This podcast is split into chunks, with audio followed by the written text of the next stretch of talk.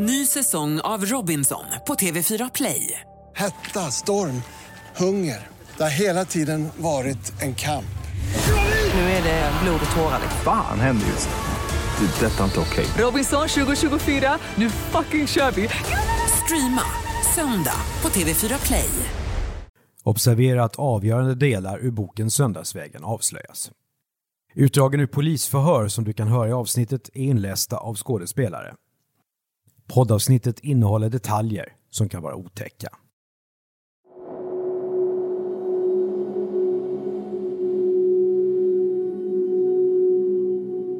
I sängen låg en ung blond kvinna. Lakan och filt var uppdragna till bröstkorgen. Hennes högra ben stack fram. Hennes ansikte var vridet mot fönstret.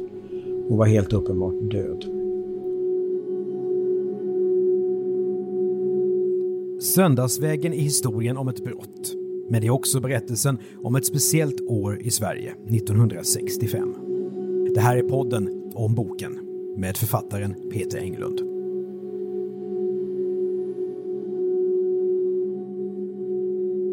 De två konstaplarna började diskutera. Detta måste väl handla om självmord. Där fanns inga tecken på vare sig inbrott eller handgemäng. Ingen oreda, inget blod, inga skador. Bara en död människa i en ostörd säng.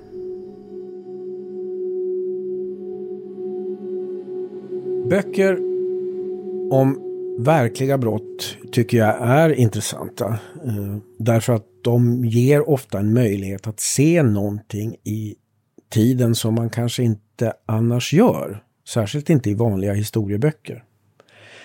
Det tycker jag är en av lockelserna med det. Eh, sen många gånger när sådana här böcker om verkliga brott när de misslyckas är det just därför att man inte får möjlighet att se någonting av tiden. När de liksom bara fastnar i fallet som sådant. Söndagsvägen är Peter Englunds första berättelse i true crime-genren. Historien om mordet på Kickan Granell i juli 1965 är en historikers sätt att skriva om ett verkligt brott. Men lika mycket om tiden, 60-talet. Boken utspelar sig i en tid då Peter Englund var barn och Sverige befann sig i en intressant brytningstid. Söndagsvägen är berättelsen om Sveriges kanske första så kallade sommarmord. Alltså ett mord, ofta på en ung kvinna, vilket blir en följetong i kvällstidningarna. Arbetet på Söndagsvägen började eh, 2016. Då började jag lite grann att lokalisera Eh, materialet, titta på vad som fanns och så vidare. Skrivandet satte igång på allvar först hösten 2017. Huvuddelen av arbetet utfördes 2018 eh, och sedan var den klar då på våren 2019. Historien från Söndagsvägen 88 börjar med att Eva Marianne Granell, som kallas för Kickan, hittas död i sitt hem. Hon är 18 år gammal. Det är tisdagen den 27 juli 1965 vid åtta tiden på kvällen. Allmän beskrivning av familjen Granells bostad. Granells fastighet Söndagsvägen 88 utgör från norr räknat den andra sektionen i radhuslängan varje sektion i radhuskroppen består av källarplan, bottenvåning och övervåning. Kickan Granell ligger i föräldrarnas sovrum. En utredning inleds. Så här beskrivs Kickan Granells hem i polisens förundersökning. Med huvudändarna mot rummets norra vägg finns två stycken sängar.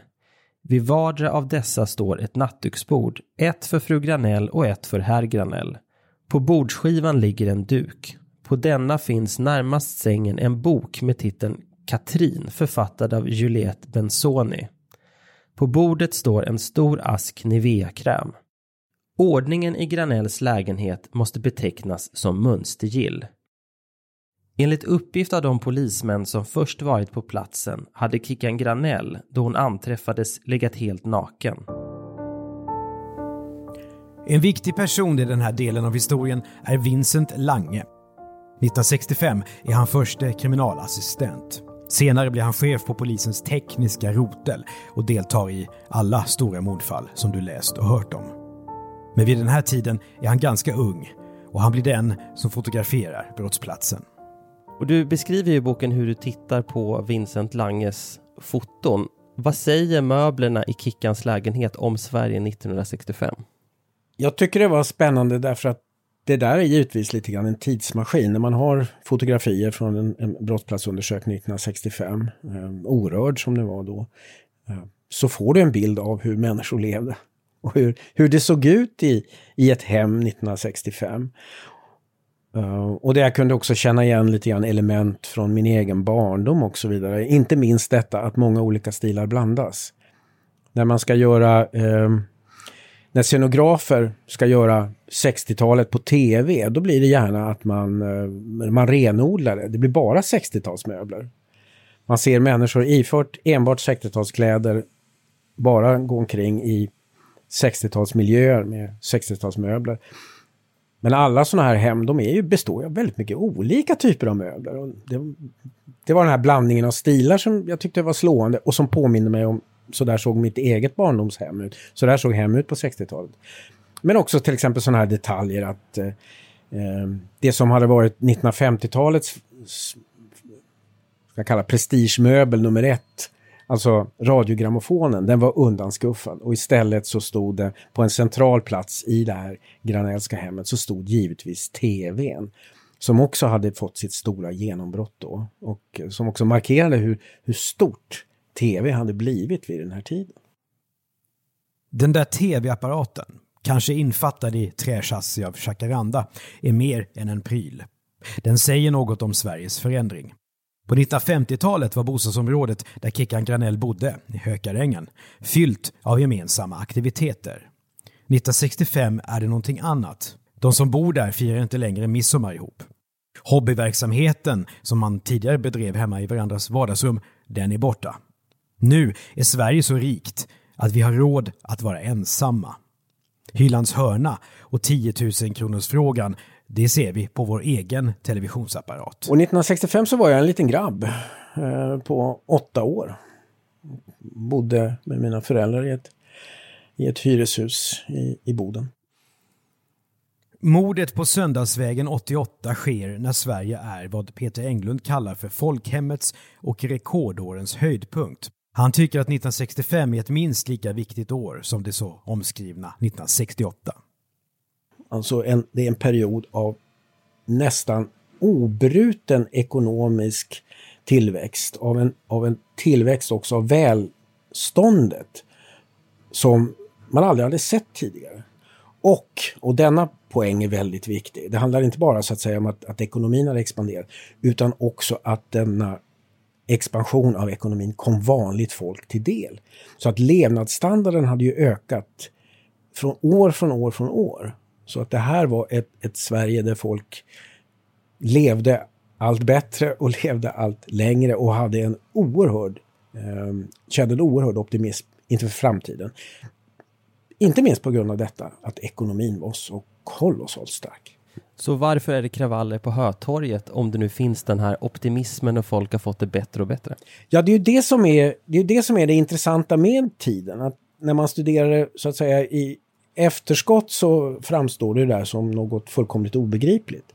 Därför att just att det var en sån här stadigt växande eh, välstånd och framtiden var ljus. Och en del av det, det låter paradoxalt, men en del av det man kallar den här ungdomsrevolten handlade delvis om det. Att man hade en, en ungdomsgeneration som tog det här välståndet och också den här optimismen inför framtiden, tog den så för given. Eh, så att det här gnetandet och den här pliktmoralen som styrde deras föräldrageneration, den såg de bara som korkad. Men varför ska man hålla på och slita på det där viset då? När man istället kan ta det lite coolt och slappa och dricka öl på dagarna. Så där. Att de, de såg egentligen inte kopplingen mellan föräldragenerationens slit och det välstånd som de själva levde i och tog för givet. Så att det, det är ju det som är en del av den här berömda generationsklyftan som uppstår på 60-talet som en del av den här ungdomsrevolten. Eh, alltså det här att man inte riktigt förstår varifrån det här välståndet kommer. Man tar välståndet och den, den ljusnande framtiden för given. Ser du några paralleller mellan det och hur vi har det idag och de debatter som finns i samhället idag? Då hade du en, en ungdomsgeneration som var på många vis väldigt privilegierad. Och nu är det mer omvända förtecken. Att eh, Nu har du en, en, en ungdomsgeneration som inte alls kan ta de här sakerna för givet. Och som inte alls liksom känner att de är så gynnade som, som deras föräldrageneration har varit. Eller generationerna före dem. Så att det lite grann är det omvända förtecken. Då så var det så att säga det var föräldrarna som hade ofta stigit ur, ur mörker och fattigdom. Och jag menar, jag kommer ju själv från en familj med mina föräldrar och särskilt min pappa var uppvuxen väldigt fattigt. Först under depressionen då och sedan under kriget. Och det präglar ju hela hans liv. Så de var komna ur, ibland alltså direkt armod. Men nu är det lite grann omvänt så att nu är det de föregående generationerna där allting har, som har fått ett, ett, ett dukat bord. Och de yngre generationerna känner en ovisshet då istället, med all rätt. Men var det här någonting som, det, som fanns som någon slags undertext hemma hos dig? Eller var det här någonting som man pratade om? Det är viktigt att göra sin plikt, man ska göra sitt jobb och den, den där typen av liksom värden? Den där pliktmoralen, alltså den här pliktmoralen som var eh, ett givet inslag i i, arbetar, i en arbetarklassbakgrund, den, den fanns givetvis där. Att man skulle göra rätt för sig, man skulle arbeta, man skulle lyda, lyda lagen, göra sin plikt. Sådär. Att det, var, det var givet. Så att i min miljö, där jag levde och växte upp så var ju liksom den här förståelsen för eh, modsen och kravaller på Hötorget och sånt där, det var ju lika med noll. Den var ju, man var ju väldigt fientlig till det där istället. Klipp dig och skaffa ett jobb. Ny säsong av Robinson på TV4 Play. Hetta, storm, hunger. Det har hela tiden varit en kamp. Nu är det blod och tårar. Fan händer just det. Det är detta inte okej. Robinson 2024, nu fucking kör vi! Streama söndag på TV4 Play. Poddtips från Podplay. I fallen jag aldrig glömmer djupdyker Hasse Aro i arbetet bakom några av Sveriges mest uppseendeväckande brottsutredningar. Går vi in med hemlig telefonavlyssning och, och då upplever vi att vi får en total förändring av hans beteende. Vad är det som händer nu? Vem är det som läcker? Och så säger han att jag är kriminell, jag har varit kriminell i hela mitt liv men att mörda ett barn, där går min gräns. Nya säsongen av Fallen jag aldrig glömmer på Podplay. Inledningsvis förstår inte polisen att Kickan Granell har blivit mördad. Två konstaplar som är först på platsen utgår från att hon har tagit livet av sig. De hänger upp sig på burkar med tabletter som de hittar i rummet. Men en bårbärare som kommer för att hämta kroppen ser något märkligt. Så att det, är, det är en helt orörd brottsplats. Ehm, och det, det är ett helt orört 60-talshem den här beskrivningen, brottsplatsundersökningen, det var en av de första sakerna jag läste. Eh, och det satt jag uppe på, på Stadsarkivet på Kungsklippan i Stockholm där. En, en väldigt ljus och vacker sån här brittsommardag i september. så det kommer jag ihåg väldigt tydligt. Och det är ju det är oftast de där delarna, när man kommer in på de här tekniska delarna, om man har lite fantasi så är det ju de som verkligen ger en ett, öppnar ett hål i tiden på något sätt. Och inte minst det där med fotografierna. För jag tror att då eh, den här brottsplatsundersökaren som gjorde många av de viktigaste upptäckterna, alltså Vincent Lange, som också är borta nu.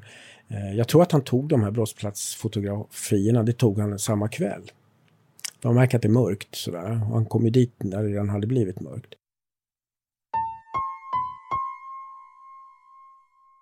Som framgår av foto 32 och 34 ligger huvudkudden något snedvriden i förhållande till sängens längdriktning. Som tidigare nämnts är lakanen i sängen ytterst smutsiga. Vid fotändan av underlakanet anträffas vid undersökningen ett förhållandevis stort antal, 30-40 stycken, fragment av vad som kan förmodas vara delar av grässtrån. På örngottets översida och dess nedre del finns en i huvudsak rund rödbrun fläck. Den har en diameter av cirka 10 cm. Fläcken ger intryck av att ha förorsakats av en blodliknande vätska. På örngottet förekommer även ett mycket stort antal endast millimeterstora blodliknande prickar. Dessa stänk kan ha förorsakats genom att kroppsvätskor till följd av en viss nedbrytning pressats upp i munnen och näsan. Blåsbildning kring dessa organ kan ha uppstått. Blåsorna kan ha brustit sönder.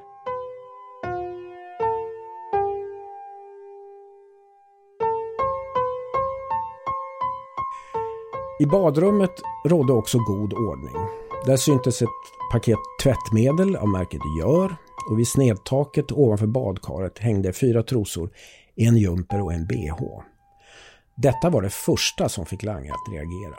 Om man har tänkt ta sitt liv ställer man sig verkligen och tvättar sina underkläder först. Och eh, han ser ju liksom så här att ja, det är helt orört. Det finns inte ett spår av någon slags strid eller blod eller oreda eller någonting. Eh, kroppen är ju redan borttransporterad. Eh, men sen så börjar han se saker som visar att det är någonting som inte stämmer här. Och just det här när han ser att hon har hållit på att tvätta, tvätta eh, sina underkläder och sånt där. Alltså det, det stämmer ju inte. Och sen börjar han hitta fler saker som innebär att nej, det är någonting som är fel. Det här är mest troligt inte ett självmord. Som nämnts av brottsplatsundersökningsprotokollet är apparatsnöret helt av på ett ställe med undantag för en av trådarna i ytterhöljet. Samtliga plastledare i apparatsnöret är helt av. Dessa bitar har kapats med hjälp av kniv, avbitartång, hovtång och en dolk.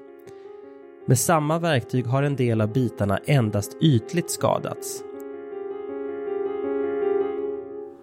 Hon har ju flyttat upp telefonen och satt den i ett jack vid sängen. Men att den har telefonsladden är avklippt, eller nästan avklippt. Eh, och det tolkar hon som att ja, men, ja, men hon, hon, har tänkt ta livet av sig och för att då hon inte ska kunna kalla på hjälp när hon ångrar sig så därför har hon eh, skurit sönder den här telefonsladden. Men sen så börjar hon fråga sig då, och det är ju vad Lange också frågar sig, men varför, men vad har hon använt då? Vad har hon använt för redskap? För det. Och det finns inget sådant redskap som går att använda.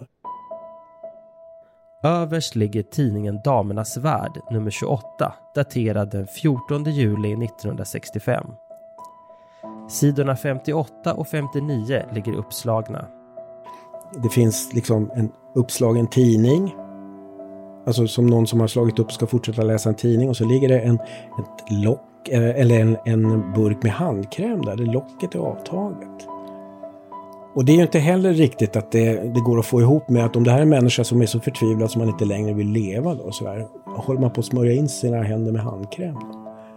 Så att det finns de här indikationerna. Och sen hittar han ju på, på lakanet också så finns det en grå torkad fläck av någonting som kan vara sperma. Kickan Granells kropp tas till rättsläkaren Sven-Olof Lidholm, som kallas för Likholm. Kroppen är helt utan kläder.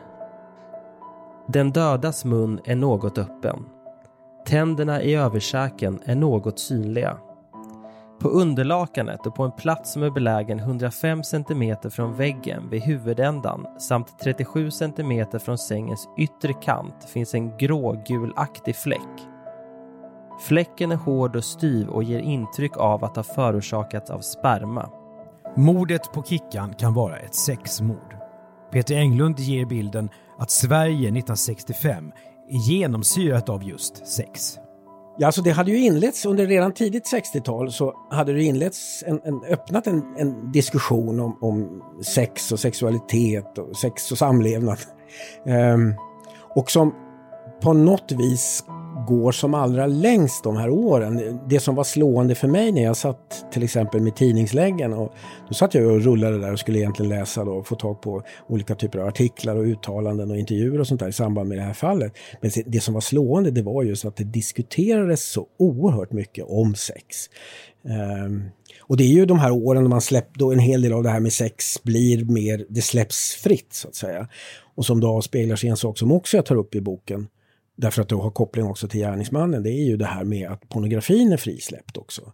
Och Sverige är utsatt för en, en, en pornografivåg som inte motsvarar någonting annat med de här, vad är det, fyra miljoner exemplar eller någonting. Och de, bara på några år så har antalet försålda eller sålda sådana här pornografiska antalet titlar har fördubblats, antalet försålda exemplar har fördubblats eller liknande sådär. Så att det är en, en det diskuteras sex på alla, i alla möjliga medier och det praktiseras också, inte minst genom att, och på bio, böcker.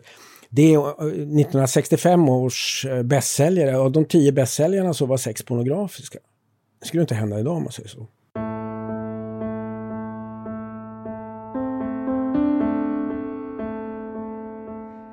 Med undantag för en underhudsblödning och ett mindre hudavskrap på det vänstra ögonlockets övre del finns på kroppen inga synliga skador efter yttre våld. Obduktionen visar på onaturlig död, men ej strypning. Så nu är frågan, hur har Kickan Granell egentligen dött? Polisens arbete med fallet Granell kommer att bli en mycket stor mordutredning. Peter Englund ska snart lära känna människor från historien som är personligheter så starka att de lika gärna kunde vara levande romankaraktärer. Från väninnan vars hela liv påverkats av mordet till polisen som var förebild för Sjöwall Wahlöös deckarhjälte Martin Beck. Det hör du om i nästa del av podden. Och hela historien, från fyndet av kroppen till sista minnet av Kickan Granell, läser du i Söndagsvägen, en bok från natur och kultur. Den här podden är producerad av Mattias Bergman och Andreas Utterström. Postproduktion Andreas Karlsson. Övriga röster Fredrik Heinze och Emma Härdmark. Det här är en produktion år 2020 från Commercial Content som är en specialistbyrå för innehåll. Du kan läsa mer om oss på www.commercialcontent.se.